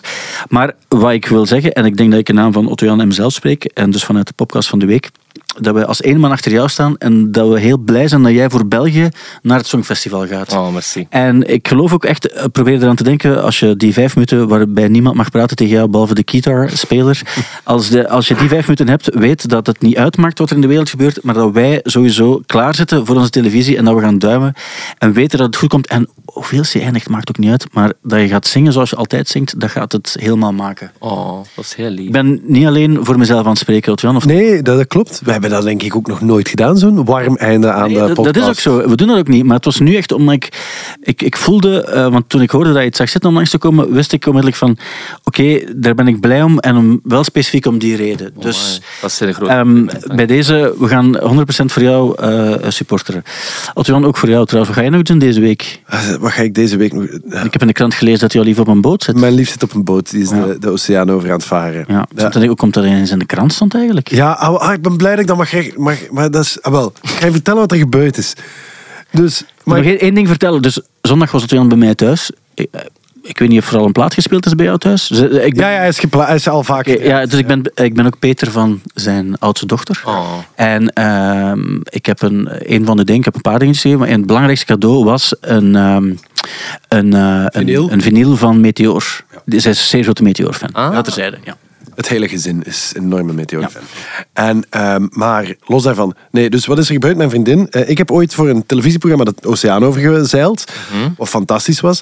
En het, het overkomt mij vaker dat ik voor lange tijd naar het buitenland moet en mijn gezin moet achterlaten om te gaan filmen. Om te gaan draaien voor allerlei programma's.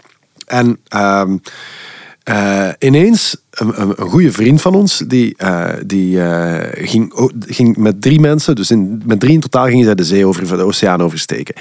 En, en, en Iris, mijn vriendin, die had al heel vaak gezegd van, ah, maar ik wil mee. En blablabla. zo, ja, je kent dat wel, je zegt zoiets. Hè. Dat gejengel zo. En dat, van, ik, ga- ik ga mee. Zeg je. En, maar dat ging niet, want ze zouden met maximaal drie op de boot zitten. Maar wat gebeurt er ineens? Op vrijdagavond bellen die. Waren aangekomen in Kaapverdië, van waar dat ze de oversteek gingen maken. En hun eh, derde man eh, is ziek geworden. Dus die moest terugvliegen. Dus eigenlijk konden zij niet verder. En wat zij zeiden was, kijk, we weten, allee, ik weet niet in hoeverre je dat toen meende, maar weet dat als je wil, het kan. We vertrekken dinsdag. En anders vertrekken we niet. En dan hebben wij, de zaterdag hebben we daar, hebben we daar een beetje over ge- ge- ge- gebabbeld. En, en ik gezegd, ja, je moet dat doen, want ik heb dat zelf gedaan. En ik, dat is ongelooflijk. En als je dat nu niet doet, ga je dat nooit doen. En, en, eh, en, en het is ook een beetje zo een, de, de Wieter Goedmachen schnitzel voor, voor alle keren dat ik... En ik weet dat ik binnenkort weer vaak in het buitenland ga zitten. Dus dit is... Ja, ja. Hiermee koop ik credits genoeg. Hè? Maar dus, voilà, dat is het verhaal. En, dus, en eh, zaterdagmiddag heeft hij gezegd, oké, we doen dat. En zondagavond eh, is hij vertrokken. Wauw. Ja, allee, eh, eh, en dan heeft hij nog via wat omzwervingen via Portugal. Maar ondertussen, sinds, sinds gisteren zit ze eigenlijk... Is, is, die heeft nog nooit op een zeilboot gezeten. Is die, is die de oceaan nu aan het overzeilen. Ik had ook nog nooit guitar gespeeld. Nee, voilà. Dus, dus op zich, ook- het, dat heb ik haar letterlijk ook gezegd. Everyday heroes. Als wij dit kunnen, dan... Maar, maar dus, en nu het hele verhaal. Iris die heeft een Instagram-account. Ik heb dat, niet, ik heb dat, eh, ik heb dat eraf gegooid bij mij. Van haar. Dat van mij heb ik gegooid. ja. En, en, eh, en, en, en, ik, ehm, eh, die, en die had daar een foto op gezet, maar dat is zo'n beschermd account. En ik kreeg ineens een telefoon, maar dat was, ik was, ze was nog maar net vertrokken. En ik was zeer gestresseerd, ik moest van alles regelen. Het was een nummer dat ik niet kende en ik neem dat niet vaak op. En dat was een journalist en die, die zei, ja, een vriendin van mij heeft gezien op haar uh, ding dat, dat die, dat die eh, de oceaan gaat over want ze had daar iets over gezegd, zo, wat ik wel snap dat je dat Ja, doet. ja. En, eh, en, eh, en ik was een beetje zo, ja, eh, eh, ja zo, ge- ge- een beetje uh, hoe zeg je dat? Dus ik, en ik zeg, ja, wacht, bel even terug. En ik dacht van, moet ik hier nu op antwoorden? Ik, ik, ik weet zo nooit hoe dat ik dat moet aanpakken. En dat was op zich een vriendelijke gast en die belde dan terug. Zeg, ja, kijk, dat is er gebeurd inderdaad. En ik dacht van, ik ga afgemeten gewoon zeggen van, van dat klopt. En, maar dan wordt dat toch weer zo'n artikel alsof je een fucking persbericht hebt uitgestuurd. En dat is zo. En dan worden daar zo wat weer dingen aan toegevoegd. Zo van de, eh, zal rijkhalsend uitkijken met zijn dochters Filippa, Gloria en, en Dolores. En dan denk ik van, ah, Clickbait. ja, dat, dat, dat heb ik allemaal zo. Ik, allee, ik, wil, ik wil, als je wil weten wat er aan de hand is, dat is er aan de hand. Maar, maar en nu heb ik echt, zeker ook omdat op dit moment ook dat tweede seizoen van die Over de Oceaan bezig is. Dus je zou ook bijna denken dat het georchestreerd is. Ja. Maar, bon. maar goed, het belangrijkste is, eh, drie weken inderdaad, alleen met de kinderen. Hoe gaan we dat doen met opvang? We zijn nu met z'n drieën We niet. kunnen, we kunnen, sowieso, we kunnen sowieso elk ons deel... eh, Als ieder gewoon één kind neemt, Ja. dan zijn we er. En de cavia's hou ik zelf wel bij en de hond. Ik denk dat er iets afgesproken is. Maar eh, in afwachting daarvan, ik weet niet of dat echt een afwachting is van, maar het, het Eurovisie Songfestival, we kijken er naar uit. Heel veel succes. Niet alleen bij dat Songfestival, maar ook bij alles wat er daarna nog komt. En, eh, en heel die trip, eh, die, die jou dan misschien ook wel op een of andere manier eh, door het Songfestival ga je misschien nog andere kansen krijgen. Ook. Laat ons hopen dat dat zo is. Dus dankjewel om langs te komen, Gustav, Stef. Dankjewel, Otto Jan Ham. Tot de volgende keer.